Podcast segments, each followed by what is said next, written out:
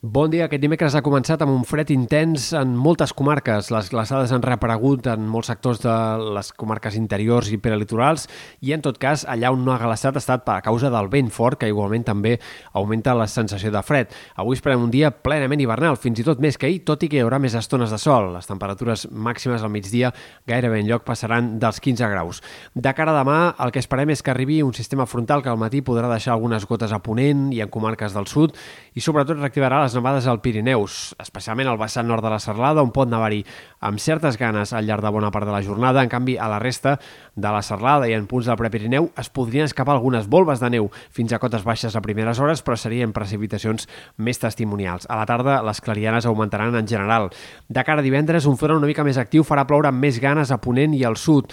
Eh, reactivarà altre cop les nevades al Pirineu i Prepirineu, tot i que a mesura que vagi passant la setmana, cada cop la cota de neu pujarà més i de cara a divendres podria situar-se ja al voltant dels 1.400-1.500 metres. Dissabte encara un altre front tornarà a fer nevar, baixarà altre cop la cota de neu fins als 1.000 metres al Pirineu, mentre la resta el sol predominarà durant el cap de setmana, tot i que, sobretot diumenge, pugui haver-hi algunes estones de cel enterbolit o mig ennubulat. Una altra de les novetats dels pròxims dies serà la pujada dels termòmetres, progressiva però ja notable a partir de divendres i de cara al cap de setmana.